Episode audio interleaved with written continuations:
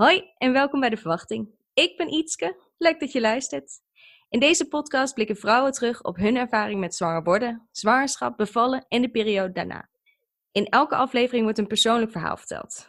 Open, eerlijk en uniek, met alle highs en lows die bij deze levensfase horen. Mijn gast van vandaag is Sania, welkom! Dankjewel. Wij uh, kennen elkaar via Instagram, waar je het account uh, de Keisnede Club runt. En daar uh, praat ik straks heel graag nog verder met je over. Maar wil je misschien beginnen met iets over jezelf en, en je gezin te vertellen? Ja, zeker. Nou, ik ben Sania. Ik ben mama van twee kids. Ik heb een zoon van vier, of wij hebben een zoon van vier, Alpatje. En onze dochter Inui is één. En wij wonen met z'n vieren in Amsterdam. Heerlijk. Ja, laten we gewoon beginnen dan met, uh, met de zwangerschap uh, van je zoontje. Hoe verliep die? Ja, ik heb eigenlijk een goede zwangerschap gehad. Uh, wel wat met zwangerschapskwaaltjes, als misselijkheid, weinig eten. Ik was ook in het begin en het eind ook afgevallen. Dat kan dus blijkbaar ook. Ja, echt door de... Had je minder eetlust ook doordat je je zo voelde? Ja, klopt. Ik had inderdaad minder eetlust en ik had ook een andere eetlust. ik kan ook als voorbeeld geven, ik, ik hield echt van heet eten met sambal en zo. En uh, op een gegeven moment, ik lustte gewoon geen sambal. En uh, alles was gewoon te heet, zelfs een klein beetje peper niet. Mijn eetlust was dus echt uh, veranderd. En waardoor ik dus ook in het begin en het eind was afgevallen. Maar goed, verder was ik gewoon heel gezond en ging alles gewoon, gewoon goed. Super. Hoe bereidde je je voor op de, op de bevalling? Nou, ik heb eigenlijk een, twee uitgebreide gesprekken gehad met de verloskundige. Zij, uh, zij ging eigenlijk ons informatie geven over hoe de bevalling uh, zou verlopen, wat de mogelijke scenario's zou kunnen zijn, hoe ik me eigenlijk kon voorbereiden. Nou, dat waren op zich wel hele interessante en informatieve afspraken. Maar eerlijk gezegd, het landde niet helemaal. Want dan eigenlijk, ja, het is, het is, je eerste kind, dus je, je weet eigenlijk niet echt wat er te wachten staat. dus ik heb daarnaast nog heel veel op zwangerschapswebsites gelezen. En ik was eigenlijk uh, een van de laatste van mijn vriendinnen, of van onze vrienden, die uh, een kind kreeg. Dus ben ik ook heel veel ingelicht door mijn vriendinnen, door onze vrienden, van hè, wat er eventueel zou kunnen zijn. Ik heb ook heel veel bevallingsverhalen gehoord. Maar het deed me niks eigenlijk. Ik had echt zoiets, ik had echt zo'n mindset van, ik zie wel, ik, ik, ik ga er gewoon met alle vertrouwen in. En ik heb gewoon het gevoel, het gaat gewoon goed komen. En ongeveer bij 30 of 32 weken gaven ze wel aan dat uh, Apache dus uh, een te grote baby was. Dus toen werd ik uiteindelijk door de verloskundige doorverwezen naar de gynaecoloog. Toen gingen ze eigenlijk gewoon kijken en zeiden ze inderdaad van klopt, je baby is inderdaad te groot. Uh, we adviseren je eigenlijk dat je ingeleid moet worden. En dat zou dan ongeveer zijn bij 38 weken. nou, toen vroegen ze van ja, hoe staan jullie tegenover? En toen gaf ik aan van ehm, ik heb niet het idee zelf dat hij te groot is. Vond ik ook heel gek om dat te zeggen. Helemaal, het is je eerste kind, dus je weet het eigenlijk niet. Uh, maar ik wist dat ik zelf 4 kilo was toen ik uh, geboren was. Dus ik dacht, als mijn moeder dat kan, dan kan ik dat ook zeker. Ik was ook heel sterk daarin. En ik zei ook tegen de gynaecoloog, nou, laten we gewoon wachten. Ik, ik heb gewoon alle vertrouwen in dat mijn baby komt wanneer zijn tijd daar rijp voor is. En toen gaf ook de gynaecoloog aan van, is helemaal goed. Kan, zeker. Uh, maar we willen er eigenlijk niet langer wachten dan 40 weken. Dus mocht het zo zijn dat hè, bij de 40 weken ongeveer dat hij er nog niet is, dan willen we wel graag een, uh, een afspraak met je inplannen voor een inleiding. Nou, toen, dat, dat vond ik op zich wel gewoon prima. Ik was uitgerekend op 20 februari. En op 20 februari is hij ook geboren. Netjes. Ja, dus uh, je wist dat het mogelijk een inleiding zou worden. Super fijn dat je ook gewoon vertrouwen had op je, op je lichaam dat je het ook gewoon zelf zou kunnen doen. Had je op dat moment nagedacht over uh, wat voor wensen je had voor de bevalling? Had je daar ook iets op papier over gezet? Ja, ik uh, had daar zeker over nagedacht. Ik vond thuis bevallen um, vond ik heel spannend. Ik, ja, ik dacht echt als ik thuis ga bevallen en er gebeurt iets, ja, dan ben ik met mijn vriend en de verloskundige thuis. En ja, dat voelt me dan gewoon helemaal niet veilig. Nou, wat ik wel heel graag wilde, dus in het kraamhotel bevallen.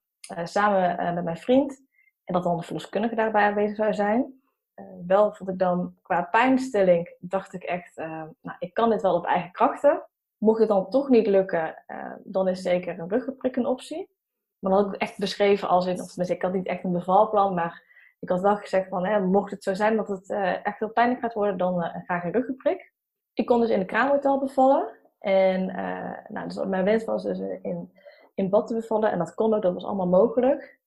Verder had ik eigenlijk nog geen bevalplan gemaakt. Ehm, met alle vertrouwen ging ik eigenlijk gewoon in van het gaat gewoon goed komen met deze wensen. Gaat het gewoon lukken. Ja, fijn.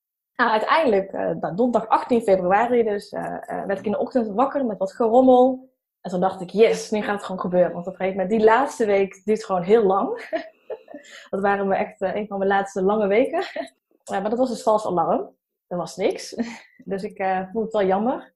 En op een gegeven moment, vrijdag 19 februari, rond een uurtje of zes in de ochtend, toen begon dat gerommel ook weer terug te komen en wat vaker. En toen dacht ik, nou, iedere uur had ik wel wat. Voelde ik wat aan mijn buik. Dus ik dacht ook, nou, dit kan zeker wel een kans zijn dat het uh, gaat starten. Ik heb ook ergens in de ochtend, in de loop van de ochtend, uh, de verloskundige gebeld. En toen gaf ze ook aan, ik kom even bij je kijken. En toen zat ik volgens mij toen ongeveer al 2 centimeter. Nou, dus eh, ja, dat zegt eigenlijk natuurlijk nog niks, want het kan ook nog een week duren. dus toen gaf ze ook aan van, nou, kijk even hoe het gaat gedurende de dag. laat je gewoon even in de middag weten als, het, als je iedere uur weeën voelt. Nou, dat was uiteindelijk ook wel ergens in de middag, merkte ik ook wel dat het ging doorzetten. Dus uiteindelijk kwam de verloskundige, ehm, ik denk rond een uur of zes en rond een uur of acht tijdens de wissel ook, hadden ze besloten dat we dus naar de kraamhotel konden gaan. Nou, ik werd dus warm ontvangen in het kraamhotel en de weeën werden eigenlijk ook steeds heftiger. Thuis vond ik het ook heel fijn om de weeën op te vangen onder de douche. Nou, en dat deed ik eigenlijk ook wel uh, toen ik in het kraamhotel aankwam. Maar goed, hè, zoals ik al net zei, mijn wens was dus wel om een bevalbad te gaan bevallen. Nou, dus uh, die stond ook al klaar, dus ik ging zitten. na 30 seconden dacht ik, nee, dit is toch niet de ideale houding. Dus ben ik er ook uitgegaan. Heb ik verder onder de douche weer de wee opgevangen. En dat ging op zich voor mij gevoel heel goed. Ik had een hele fijne playlist met zeven nummers op staan. En die had ik echt de afgelopen twaalf uur, die stond al op repeat. En vond ik zelf heel prettig, want dan bleef ik in die bubbel. Alleen mijn vriend vond dat minder leuk. Want ja, na twaalf uur zeven, zeven dezelfde nummers te gaan luisteren, was voor hem natuurlijk geen pretje. En op een gegeven moment uh, gaf hij dat ook wel een beetje aan. Van, hè, kunnen we niet, uh, dit is ook wel een leuke nummer. Wil je dat niet even opzetten? Nou, ik ging dat proberen. Maar toen ging ik dus helemaal, werd ik er helemaal gestrest van. En ik ging helemaal uit mijn bubbel. Ja, toen moest ik dus toch nog de resterende, nou, wat was het, pakken we drie, vier uur nog die zeven nummers luisteren. Dus dat was wel, uh, vond ik wel grappig. Uh, jij had het denk ik alsnog wel iets zwaarder dan, uh, dan hij met die herhaling in de muziek, gok ik. ja, dat is waar. Dat is zeker waar. Maar uh, ja, ik kan me ook wel voorstellen als je al twaalf uur diezelfde zeven nummers ja. hebt geluisterd. Op een gegeven moment, hè, afwisseling is ook niet verkeerd. Nee, nee, nee, zeker. hoe verliep de bevalling verder? Ja, op een gegeven moment, dus ik was inderdaad om acht uur dus in, de, in nou, ik denk rond een uur half negen was ik in het kraamhotel. En toen zat ik dus op acht centimeter. En uh, nou, ik denk tegen middernacht, de, uh, toen ging de verloskundige dus weer even checken. En toen zat ik dus nog steeds op uh, 8 centimeter. Dus met andere woorden, het vorderde er eigenlijk niet. Dus toen gaf eigenlijk de verloskundige aan van, dan ga je die vliezen dus kunstmatig breken. Niet in het kraamhotel, dan, zullen dan, dus, dan word je dus overgedragen aan het ziekenhuis. Maar goed, dus ik dacht, ja, dat is dan de beste optie voor nu. dit moet ik dus doen. Dus ik ging er ook mee akkoord. En uh, nou, we gingen dus naar het ziekenhuis. Dat was gewoon één deur verder.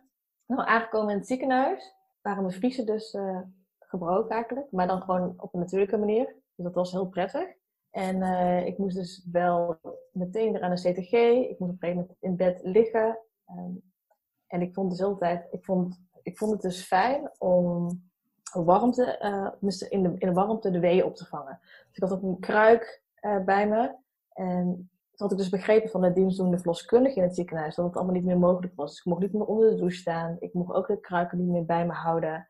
Dus ik ging eigenlijk volledig uit mijn bubbel. En ik ging natuurlijk eh, aan de CTG. Ik lag op mijn rug. Ik mocht ook niet uh, andersom liggen. Dus voor mij voelde dat heel onprettig allemaal. En daarnaast, je, ja, je, je wisselt ook van, van ruimte. Dat is natuurlijk ook niet heel erg bevorderlijk voor je bevalling. Uh, nou, de weeën werden maar heftiger en heftiger. Uh, ik, ik ervaarde echt ontzettend veel pijn. En uh, uh, ik wist op een gegeven moment ook niet meer hoe ik het onder controle moest houden. En ik werd dus overgedragen dus aan de dienstdoende verloskundige.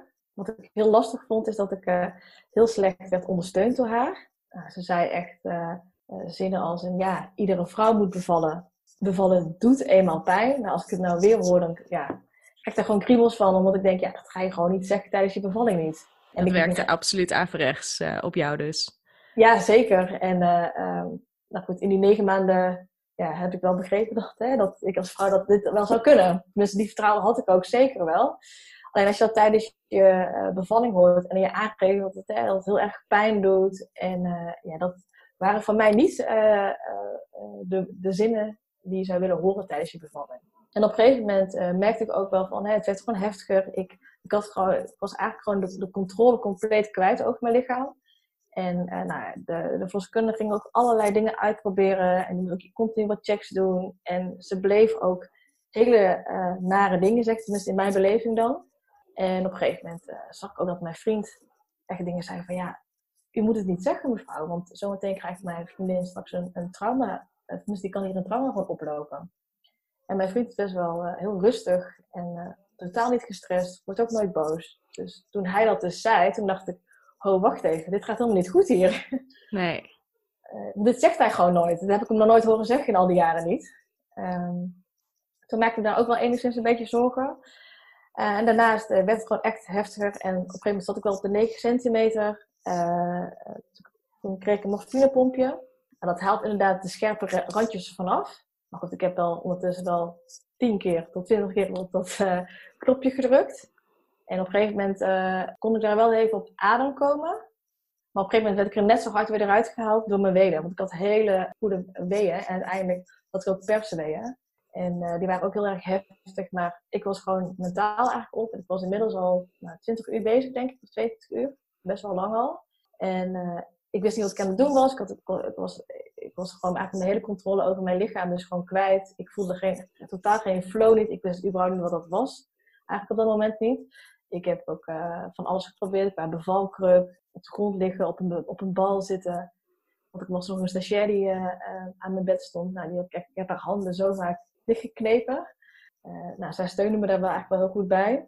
Uiteindelijk hadden we voor mijn gevoel wel van alles geprobeerd. En eigenlijk zagen, we het zagen ze het hoofdje van een padje al, al wel steeds. En ik zat toen al 10 centimeter. Ik was al nou, ruim anderhalf uur had ik al persweeën nou, op een gegeven moment, het voelde, ik, ik, voelde het gewoon niet meer. En het, uh, het deed zo pijn en, ik merkte van het vorderde gewoon niet. Op een gegeven moment zei ze, gaf ze weer aan van, ja, je moet nu even iets doen op de grond. Of tenminste gaan proberen, misschien lukt dat dan. Dat dan. En uh, nou, toen merkte ik ook van, het lukt gewoon niet. En op een gegeven moment zei ik van, dit, dit, gaat hem gewoon dus niet worden. Toen kwam op een gegeven moment een gynaecoloog en die vroeg ook van, ja, hoe het met me ging en wat zou je graag willen. En toen ook aan van, ja, ik, ik voelde het gewoon echt niet meer. En toen, toen waren we uiteindelijk eh, hadden we besloten om voor een keizersnede te gaan. Ik was echt wel opgelucht op dat moment. Tegelijkertijd uh, moest ik nog mijn perswee dus opvangen.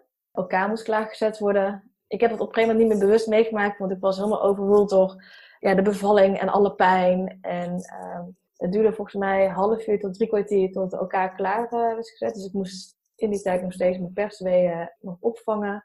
En uiteindelijk waren ze in het OK. En dat vond ik ook echt heel heftig. Uh, kreeg uiteindelijk de ruggenprik. Dat was echt wel voor mij voor mijn lifesaver op dat moment. Ik uh, vond het zo prettig.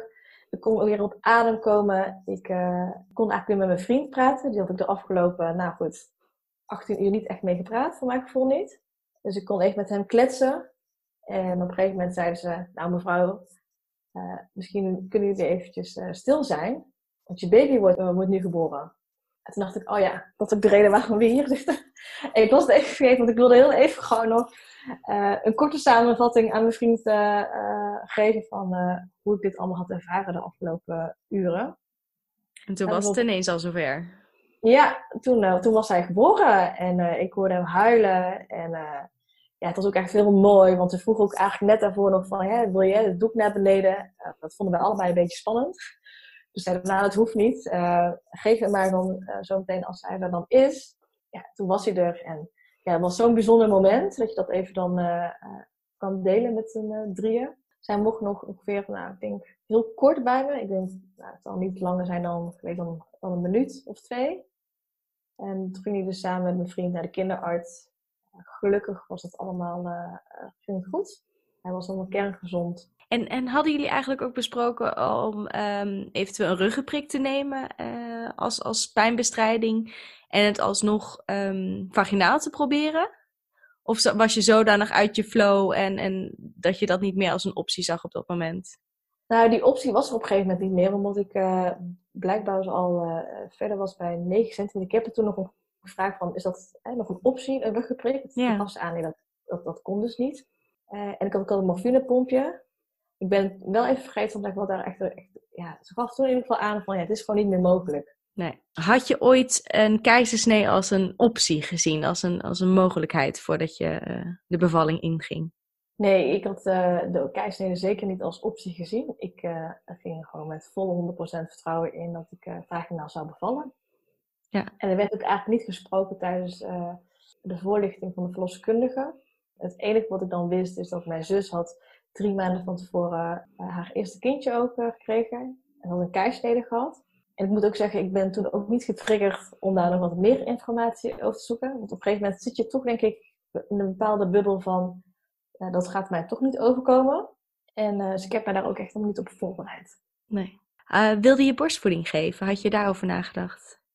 Ja, ik wilde daar zeker borstvoeding geven. En um, dat had ik ook besproken, vooral wat met verloskundigen.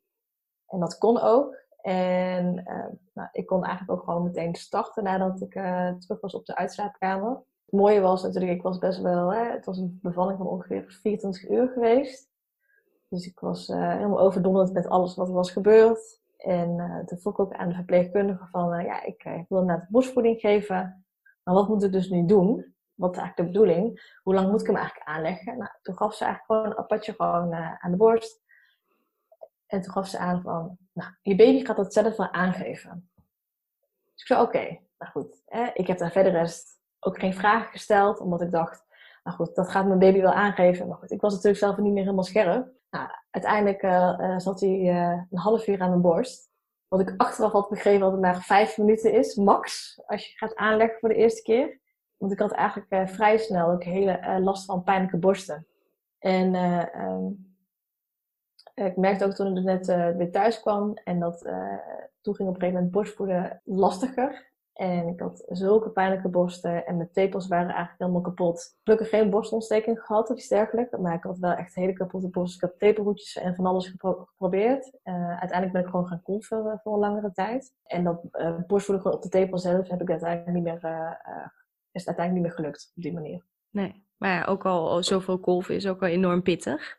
Ja, ja zeker. Zeggen. Ja. ja. En hoe was je herstel van de keizersnee?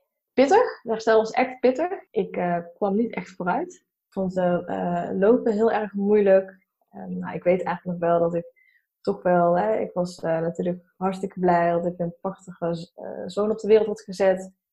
En ik denk dat ik na een paar dagen dacht... Nou, ik ga lekker voor geboortekaartjes ga ik op de post doen. En dat is, dus ik wilde het ook zelf op de post doen. En dat was natuurlijk absoluut geen goed idee achteraf gezien. Want normaal gesproken loop je, nou, ik denk vijf minuten loop je mis naar de brievenbus. Ik heb er denk ik een half uur over gedaan. Want uh, iets zei me, ik wil het gewoon zelf doen. En ik had wel hartstikke veel pijn. En ik ging gewoon heel rustig lopen. En dat ook echt mijn vriend zei, ik weet eigenlijk niet wat je aan het doen bent. Maar goed, hè, jij wilt dit, dus we gaan het gewoon doen. Uh, ik was er ook heel erg stellig in hoor. Dus, maar ik had er achteraf wel geweten. Ik, ik vond het aankleden en het verzorgen van, van Apache heel erg lastig. Ik kwam heel moeilijk uit mijn bed. Bewegen vond ik gewoon lastig. Ik wist, uh, ik kwam er ineens achter dat je overal je buikspieren voor nodig hebt. Lachen of hoesten was natuurlijk ook geen pretje. En ik had toen de tijd ook een wat zachter bed, dus eruit komen aan zich al was ook een behoorlijke uitdaging. Ja, ik vond het echt heel pittig. Ja. En hoe keek je terug op de, op de bevalling? Uh, nou, ik, ik, kijk er eigenlijk helemaal niet uh, positief naar terug. Ik uh, heb ook echt door, ja, door de ondersteuning die ik had tijdens de bevalling van de verloskundige, van mijn eigen verloskundige praktijk, was het wel gewoon heel goed. En eigenlijk de eerste twaalf uur heel, ging heel goed. Maar eigenlijk toen ik over werd gedragen naar het ziekenhuis, ging naar mijn mening alles dus mis. En ik heb echt heel, heel lang het gevoel gehad van falen. En ja, waarom is dat gewoon niet gelukt? Vaginaal bevallen niet. Dus ik heb echt heel lang met die gedachten ook uh, in mijn hoofd rondgelopen. die roze wolk dacht ik, ja, waar heeft iedereen het over? Ik zag die niet, ik voelde het niet. Ik werd gewoon overrompeld van eh, mijn hele lijf en alle pijn die ik had. Ehm, en de zorg voor de baby. En hij was ook niet zo snel verzadigd. Dus hij was ook, hij moest ook precies iedere drie uur ook gewoon eten. Wat ook gewoon heel logisch is. Maar meer van, eh, hij, kon ook, hij was wat huiliger ook. Ja, als je zelf wel niet zo lekker in je vel zit. En uh, ook nog even op, ja, ja, je begint al net je baby te leren kennen dan is dat toch wel, uh, wel een uitdaging. En ik zat gewoon echt niet lekker in mijn vel. Want die, je bent dan zo kwetsbaar op het moment tijdens je bevalling. En eh, dat er dan zulke dingen worden gezegd, dat, is, ja, dat heeft een hele lange tijd in mijn hoofd gewoon gespeeld. Ik heb dat toen ook nog besproken met de verloskundige die er ook bij aanwezig was. En ze gaf ook echt aan, ja, je had toch gewoon echt pech. Dit is echt niet gebruikelijk wat je hoort. En, um, en zei ik van, ik vond het ook heel lastig dat ik jou op dat moment niet goed kon ondersteunen. Want ja, ze was er wel bij, maar ze kon eigenlijk dus niks doen. Uh, zeg jij je gewoon echt uh, pech gehad. En ik heb uiteindelijk toen nog twee gesprekken gehad. Met, niet met haar zelf niet. Dat vond ik echt heel erg lastig. Want ze kwam uiteindelijk ook na de bevalling kwam ze nog even langs. En ik dacht echt, ja, voor mij hoef je niet langs te komen. Ja, ik had er gewoon echt heel veel moeite mee. ik heb daarna nog wel in het ziekenhuis heb ik dat nog aangegeven. Dat ik het niet wenselijk vond dat ze me op die manier had ondersteund. En ja, dat het bij mij is gebeurd, ja, is dat gewoon echt pech. Maar dat ik daar echt wel ervoor wil zorgen dat het niet bij een ander gaat gebeuren. Want ik gun dat geen één vrouw. Dus daar heb ik echt nog wel gesprekken, twee gesprekken over gehad. Maar dat gevoel van falen en uh, ja, dat het gewoon allemaal niet, niet was gelopen. Eigenlijk zoals het, nou ja, wellicht hoorde, vind ik natuurlijk ook wel een beetje wel lastig om dat zo te benoemen. Ja, ik heb er echt wel een anderhalf jaar last van gehad. Van het gevoel dat, het, uh, ja, dat ik het gevoel dat ik gefaald had tijdens mijn bevalling. Ja, lastig. Lang ook om met dat gevoel rond te lopen. Je hebt ook nog een dochtertje. Laten we uh, verder gaan met, met haar zwangerschap. Hoe, uh, hoe is die verlopen? In 2018 uh, werd ik dus zwanger van Inemi. En aan de eerste trimester verliep in principe gewoon, wel gewoon goed. Ik had ook eigenlijk net, zoals bij Alpatje, ook weinig behoefte om te eten. Dus ik viel ook daar een beetje af. Nou, eigenlijk richting het tweede trimester werd het letterlijk en figuurlijk ook wat zwaarder. mijn vader is uiteindelijk ook bij 21 weken overleden. Dus het was wel een hele vrij pittige periode waar ik in zat. Ik was ook net ook geswitcht met mijn, van afdeling op mijn werk. Dus het was een hele pittige periode. Uh, helemaal ook als je zwanger bent. En dus uiteindelijk echt eind uh, tweede trimester kreeg ik de nodige zwangerschapsklachten ook. Ik had last van harde buik al. Dat was best wel vroeg. En op een gegeven moment zei ze, ja, je moet echt wat rustig aandoen. Goed, als je echt ja, in de rouw zit, is dat gewoon heel moeilijk om dan uh, rustig aan te kunnen doen. Dus ben ik uiteindelijk wel, uh, het is goed ongeveer bij 25 of 70 weken ben ik gestopt met, uh, met werken. Want het lukte gewoon echt niet. Ik, uiteindelijk kwamen ze namelijk ook achter dat, ik, dat er een kans was op een verkorte baarmoederwand. En dat kwam ook waarschijnlijk door de harde buiken die, ik had. Dus ik ze hadden ook echt geadviseerd om bedrust te houden is natuurlijk eigenlijk wel lastig als je natuurlijk al één hebt rondlopen thuis. Goed, hij was natuurlijk toen ook al naar de opvang, dus de dagen dat hij naar de opvang ging, uh, ging ik gewoon lekker in de middag slapen en even rustig erbij komen. Maar ik zat gewoon echt, ja, het was gewoon heel pittig um, in die tijd. En goed, naarmate ik in het derde trimester zat, had ik op zich wel minder last van mijn harde buiken. En uiteindelijk kwamen ze ook achter dat, dat ik uiteindelijk dus geen verkorte baarmoederwand had. Dus dat was heel positief. Uh, dat was dus even één puntje waar ik even kon afstrepen van uh, waar ik me zorgen over hoef te maken.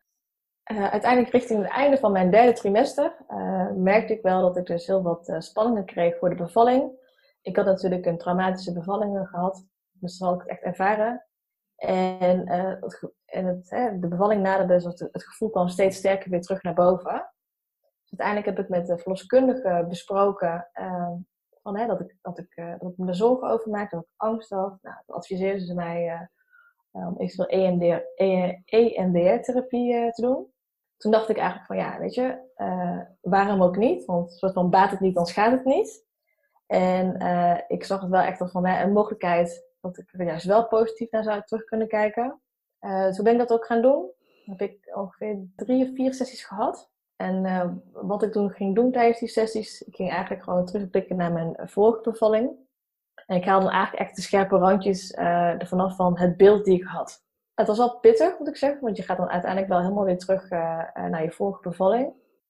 maar ik denk dat het zeker wel een positieve bijdrage heeft geleverd voor mijn bezorgdheid. Had je nog op andere manieren voorbereid op de, op de komst van, van je dochtertje? Ja, ik, uh, nou goed, ik was natuurlijk al, uh, al een hele tijd thuis. Dus ik had uh, dit keer wel de rust en de ruimte om goed in te lezen, boeken aan te schaffen. Dus ik heb onder andere, dat was echt wel mijn zwangerschapsbijbel, noem ik het maar even.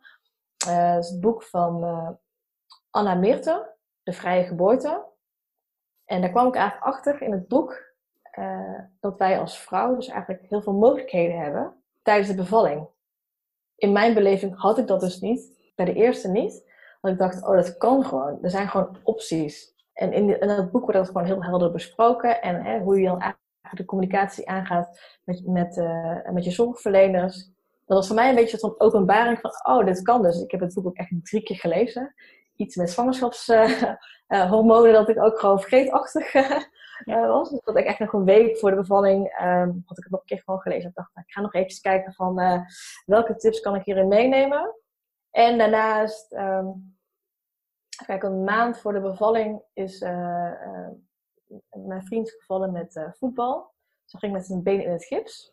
Nou, dat was echt de perfecte timing. Ja, dat was heel lastig, want uh, uh, ik had wel, uh, het werd voor mij steeds zwaarder en ik had ook heel erg last van mijn bekken. Ik, ik was ook onder behandeling bij een bekkentherapeut. En we hadden natuurlijk al één lopen, dus die, moest ook nog opgehaald worden en gebracht worden naar de opvang. Nou goed, dat kwam uiteindelijk ook wel, wel bij mij terecht. En dus mijn vriend had dus met zijn benen in het gips. En toen dacht ik, hé, hey, maar ik heb toch wel nog steeds enigszins zorgen over mijn bevalling. En hoe ga ik dat dan doen? Heb ik dat toen met een, ik heb, een, ik heb uh, een hele fijne verloskundige gehad. En uh, um, nou, ik had ook, uiteindelijk ook wel net gevraagd iedere keer om uh, zelf verloskundige. En zij heeft mij ook echt in die, in die tijd wel heel goed bijgestaan, ook met, met alle gebeurtenissen eromheen. En toen dacht ik ineens, ik moet een doula hebben. Want ik wist niet zo zeker hoe goed mijn vriend mij kon ondersteunen in de zin van als ik iets nodig had of iets dergelijks. En ik dacht, ja, ik uh, zou het zelf gewoon heel waardevol vinden als ik er juist deze bevalling juist wel positief naar terug zou kunnen kijken. Of wel het gevoel heb dat ik de regie in handen heb. En um, ik weet dat hij mij heel goed mentaal kan supporten. Maar ja, mocht er wat zijn, zou ik het gewoon prettig vinden als daar iemand bij zou kunnen zijn. Dus toen ben ik maar gaan kijken naar een, naar een doula. dat ik uiteindelijk contact gehad met een doula en met, met Nadja. En daar geef ik nu ook de, de, de sessies mee ook.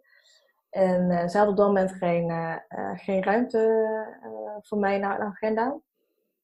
Toen ben ik uiteindelijk naar de verloskundige gegaan. Toen gaf ik aan van ja, dit, is het, dit is gebeurd. Mijn vriend zit in het gips. Ik wil graag een doula. Um, en het was eigenlijk vier weken voor de geboorte. Ik vond het gewoon een beetje lastig. Hè? wie, wat, waar. Zeg, heb jij toevallig nog tips bij wie ik dan terecht kan? En toen gaf ze eigenlijk aan van ik kan je ook ondersteunen. Zij was dus net voor zichzelf gestart ook. Nou, dat was uh, voor mij heel positief, omdat ik dacht, ja, jij kent me ook en je weet mijn verhaal, uh, je weet mijn zorgen. Dus ik was echt heel erg blij dat zij zei van, uh, ik kan er voor je zijn. dus zij kwam ook nog een aantal keren bij ons thuis om, om de mogelijke, mogelijke opties te bespreken. want ze zeggen ook wel van, hè, in eerdere keizersnede, dan ben je eigenlijk medisch.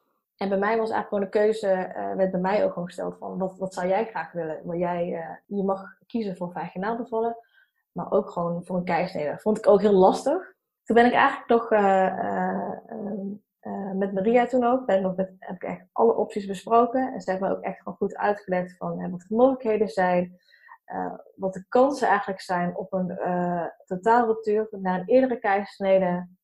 En ik heb ook al mijn zorgen besproken. En ze gaf me eigenlijk echt het vertrouwen van, hè, ja, je kan dit, maar het is echt aan jou. En ook naar, naar het boek van de vrije geboorte. Ik voelde echt van, ik zou dit ook gewoon echt vaginaal uh, kunnen. En ik wil er ook echt voor gaan.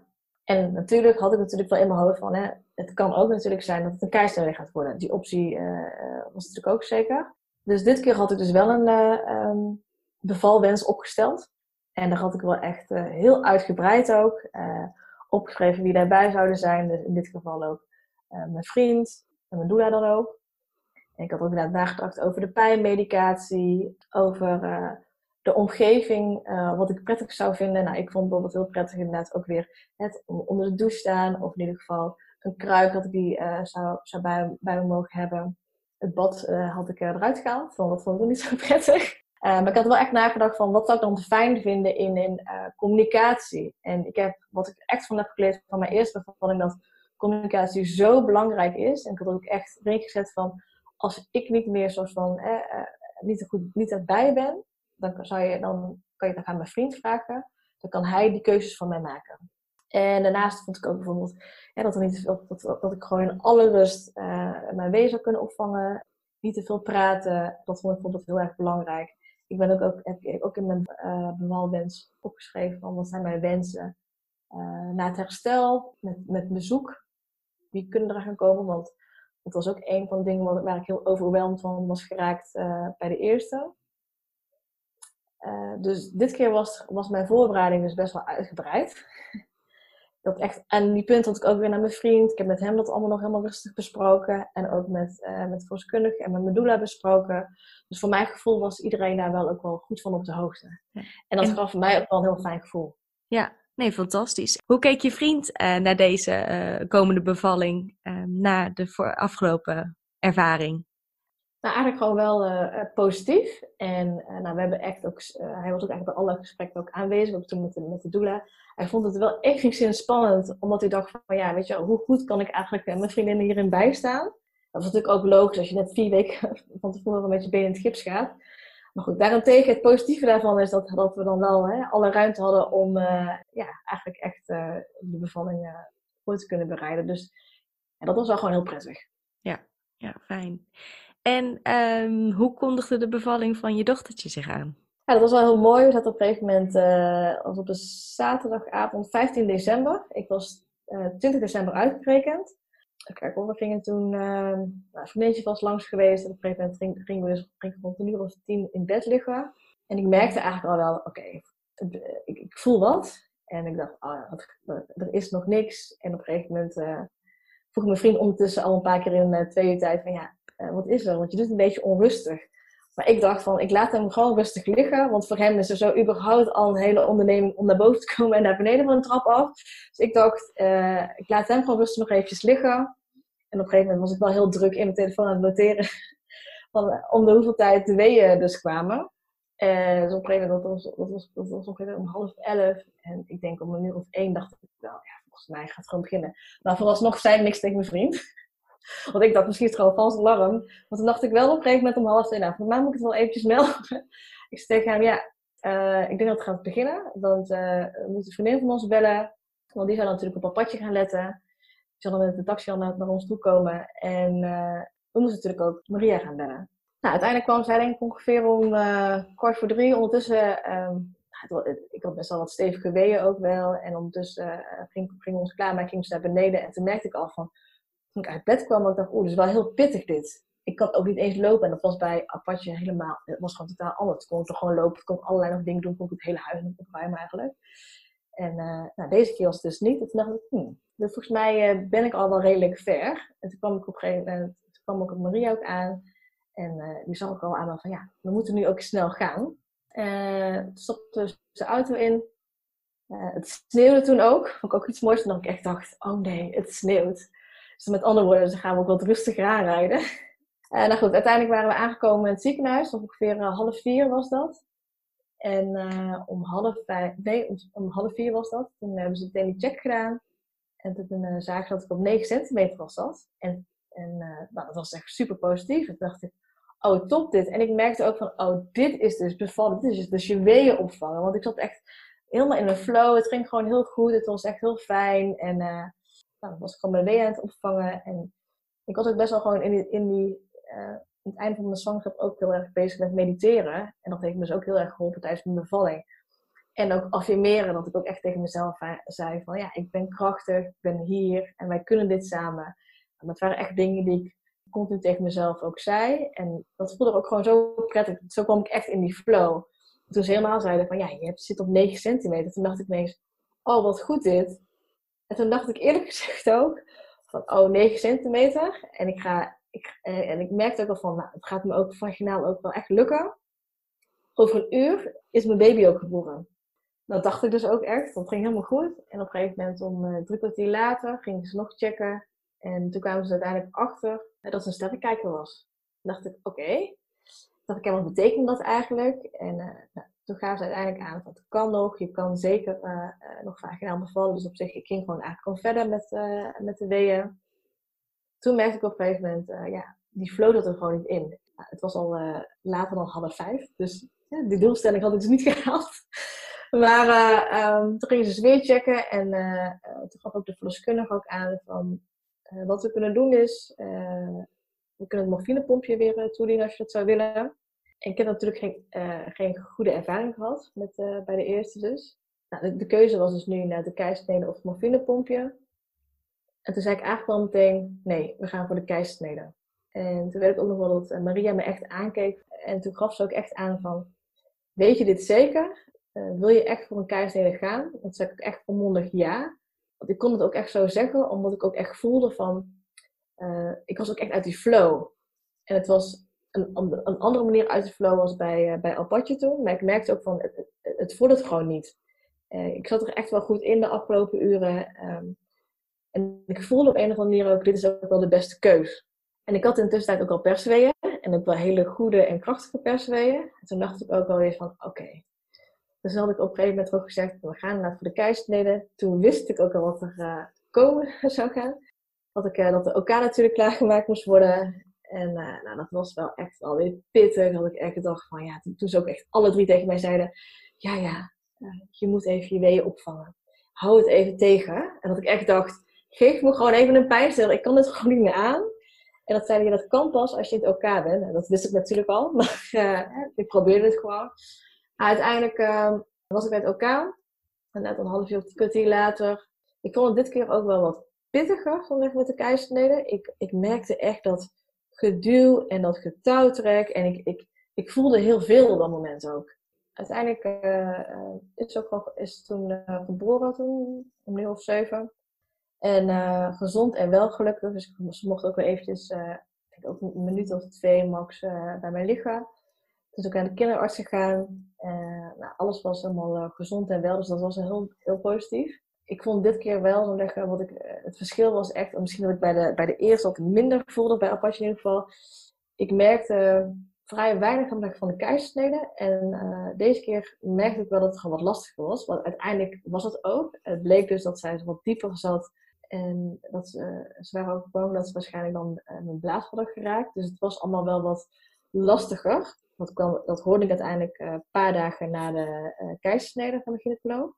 Dus het was uiteindelijk ook wel wat pittiger keizersnede geweest. Hoe dacht je op dat moment over borstvoeding na je, na je vorige ervaring?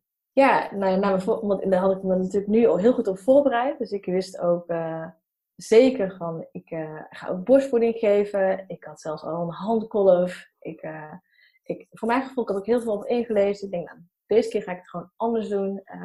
Uh, deze keer wil ik er wel dat het voor een langere tijd gaat. En ik, dat aanleggen ging gelukkig korter dan, dan een half uur. Nou, dat ging eigenlijk ook wel gewoon goed. ik ervaarde toen wel ook wel heel veel pijn. Uiteindelijk heb ik wel vijf dagen ook in het, zieken, ben ik in ziekenhuis geweest. Want ik had ook wat langer dan de katheter in moeten houden, uh, omdat ze dachten dat er waarschijnlijk iets met mijn blaas zou zijn. En dat was ook wel een beetje spannend allemaal. Maar het borstvoeden ging eigenlijk wel gewoon goed en het voeden ook. Ik merkte dat ik dit keer ook een stuk relaxter was. Ook met het voeden. Ik merkte ook op een gegeven moment dat ze zeiden van... ja, die kleine sliep op een gegeven moment om, om half vijf. Ik moest in de nacht eigenlijk haar wakker maken om te voeden. En dat ik, dat ik eigenlijk zei van ja, maar ze is eigenlijk niet wakker geweest. Dus ik liet haar gewoon slapen. Dat zeiden van nee, dat kun je echt niet doen. Je moet toch echt even haar voeden. Maar omdat ik gewoon, voor mijn gevoel was ik wat relaxter nu. Dat ik dacht van, het is misschien eigenlijk belangrijk om te kijken uh, naar de behoeften van je kind. En dat uh, borstvoeding ging, ging, eigenlijk gewoon heel goed. Ik heb ook uh, niet hoeven bijvoeden. toen ik uiteindelijk dus thuis kwam, was het toch wel heel erg gesloopt. ik had wel ontzettend veel pijn. Ik vond het ook gewoon heel pittig om naar huis te gaan omdat uh, mijn vriend nog steeds in het gips zat. En ik wist eerlijk gezegd niet zo goed hoe ik het moest doen. Of tenminste, ik dacht van, ja, hoe, hoe gaan wij dit eigenlijk doen? Nou, gelukkig kwam mijn beste vriendin kwam, uh, bij ons logeren voor de eerste paar dagen of de eerste week. En dat was wel uh, echt heel fijn, want zonder haar had ik het zeker niet gered. Omdat mijn vriend zei, ah, dat gaat ons wel lukken. Maar dat was toch nog wel een uitdaging voor ons beiden om uit bed te komen. En, en op een gegeven moment, omdat het wel kwam een pittige keizersnede was geweest. En ik had dus heel erg veel pijn. En uiteindelijk ja, je bent dan toch best wel kwetsbaar. En dat weet je natuurlijk eigenlijk gewoon van alles ook weer eruit. Ik denk dat natuurlijk heel veel spanning ook wel ehm, vastgehouden. En ik had er ook heel veel moeite mee dat natuurlijk ook uh, ja, mijn vader ook niet, uh, eigenlijk mijn ouders, zijn eigenlijk ook bijna overleden, die niet uh, erbij konden zijn. Dus dan is dat best wel lastig allemaal. En daarnaast ook alle pijn. En ik vond het gewoon heel lastig om de, de trap af te lopen in huis. Ik ging ook maar één keer naar beneden en één keer naar boven. Ja, ik brak ook eigenlijk helemaal in de, ook in de eerste paar dagen. En uiteindelijk zei ik ook tegen mijn uh, kraamhulp, wat ik zei, ik wil heel graag borstvoeding geven. Maar ik kan gewoon niet, ik heb gewoon zoveel pijn. Ik weet het gewoon even niet meer. Het enige wat ik nu heel graag zou willen is gewoon wat rust. Want het was zo onrustig op allerlei vlakken. En toen hebben we uiteindelijk dus, besloten om uh, te gaan stoppen met borstvoeding geven. Ja. En dat gaf mij uiteindelijk ook wel heel veel rust. Ja, fijn. En uh, vind ik ook gewoon heel belangrijk, omdat ik denk van hoe graag ik het ook wilde om borstvoeding te geven. Maar kijk ook vooral naar, naar de situatie. Van, uh, wat is voor jou haalbaar? En uh, weet je, als je heel erg gestrest bent, dat was ik bijvoorbeeld bij Apache heel lang. En dat is, ja, dat is zeker niet goed geweest voor ons beiden niet. Dat gaat ook echt niemand aan. Uh, dus uiteindelijk vond ik het een hele fijne keuze uh, om te stoppen met borstvoeding te geven. Ja. En hoe was de, je herstel van de keizersnee? Was ook uh, pittig. Was nog pittiger eigenlijk dan bij padje. Ik heb, mm, nou, dit keer duurde het ongeveer, nou, ik denk acht, negen weken. En ik denk dat ik zeker, het was na zes, zeven weken ongeveer, dat ik wat meerdere maanden van, van de trap af kon. Ik heb echt langs maar één keer naar boven en één keer naar beneden. Ik had heel veel pijn eigenlijk aan mijn wond ook. Verder uh, zag mijn litteken er echt heel goed uit. Ik had op een gegeven moment ook wel heel erg last van mijn onderrug. Maar het herstel was wel uh, pittig. En uh, emotioneel vond ik het ook wel gewoon lastig. Omdat ik ook weer dat mensen zeiden van, oh je hebt een keisnede gehad. Dus het was best wel makkelijk. Ja, dat is dus niet het geval. Omdat ik ook bij beide kinderen heb ik eigenlijk een volledige bevalling gehad. Inclusief persweeën. Het enige verschil is dat, het dan, hè, dat ze dan niet uh, vaginaal eruit zijn gekomen. Maar verder wel gewoon een volledige bevalling heb gehad. En dat vond ik wel echt pittig dan. Ja, ja en het eindigde gewoon in een flinke buikoperatie. Dus uh, ja. ik weet niet wat voor een wereld dat een uh, makkelijke uitweg is. Nee, dat is zeker geen makkelijke uitweg. nee, inderdaad is het gewoon echt een zware buikoperatie. En ik merkte wel deze keer dat ik wel veel beter naar mijn lichaam luisterde en ook vaker een nee zei en ook beter mijn grenzen kon aangeven. En ook uh, veel makkelijker om hulp kon vragen. Uh, en dat moest ook wel en dat hebben we ook wel geleerd. En natuurlijk ook in de laatste vier weken van mijn zwangerschap, wat het wel zeker nodig was. Um, maar het heeft zoveel geholpen, omdat dat geeft ook zoveel rust van, ja, het is helemaal oké om hulp te vragen. Ja, en het is oké om rustig aan te doen. En het is oké om niet meteen uh, je hele huis vol te hebben. Ja. Heb je bijvoorbeeld ook met je doula nog uh, teruggekeken op hoe die bevalling is verlopen? Of heb je andere dingen gedaan om de bevalling te verwerken? Ja, ik heb inderdaad zeker met mijn doula net op teruggekeken. En ze gaf ook echt aan van wat ik zo krachtig en volmondig kon zeggen van ja, we gaan voor een keizersnede. Want zij ook echt twee keer aan mij gevraagd, weet je het zeker dat je dit wil? En zei ik van, ja, die kracht die jij dan zo uitstraalde van dat je het wilde, um, ja, dat was ook gewoon ja, mooi. Omdat ze ook gewoon zeker, omdat ze ook wist natuurlijk wat mijn geschiedenis was. Uh, uh, en dat ze het gewoon heel mooi vond dat ik het dan gewoon zo krachtig kon zeggen. En ik voelde, ik kan er ook echt heel positief uh, naar terugkijken, ondanks alle ongemakken. Omdat ik ook het gevoel had dat ik zelf de regie had, dat ik zelf die keuze had gemaakt. Ja, samen met de zorgverleners. En niet dat ik dacht, deze keuze is gemaakt of door een van de zorgverleners. Ja. En dat maakt het juist ook zo uh, positief. Ja, fijn. En nu heb je uh, ja, de Keizersnede op, uh, op Instagram. Een hele gave community. Zou je daar nog iets over willen vertellen?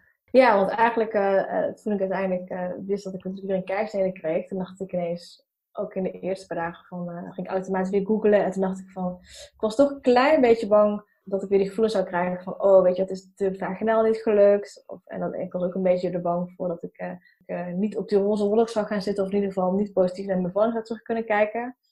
Toen ben ik ook allemaal gaan googlen en toen dacht ik ineens, ja, er is gewoon weinig over te vinden. Of er is niet één plek over een keizersnede. En toen dacht ik, uh, een week later was eigenlijk dus mijn derde kindje geboren, zo noem ik het. ik dacht ineens van, ja, ik zou het gewoon fijn vinden om een plek te hebben waar ik mijn eigen verhaal kan delen. Uh, hoe ik dat allemaal ervaren met de keizersnede.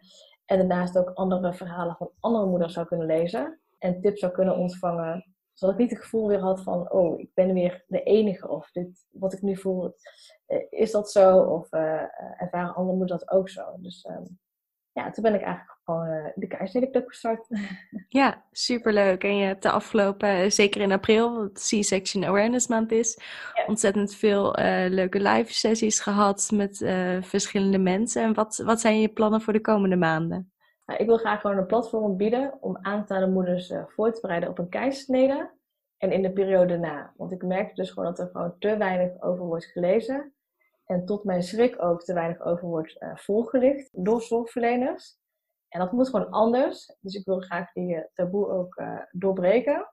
Want iedereen geeft ook eigenlijk aan van het zijn uitzonderlijke situaties dat vrouwen dus een, een keizersnede krijgen. Maar ongeveer 17% van de geboortes worden uiteindelijk een keizersnede. En dat is op zich nog wel best wel weer wat.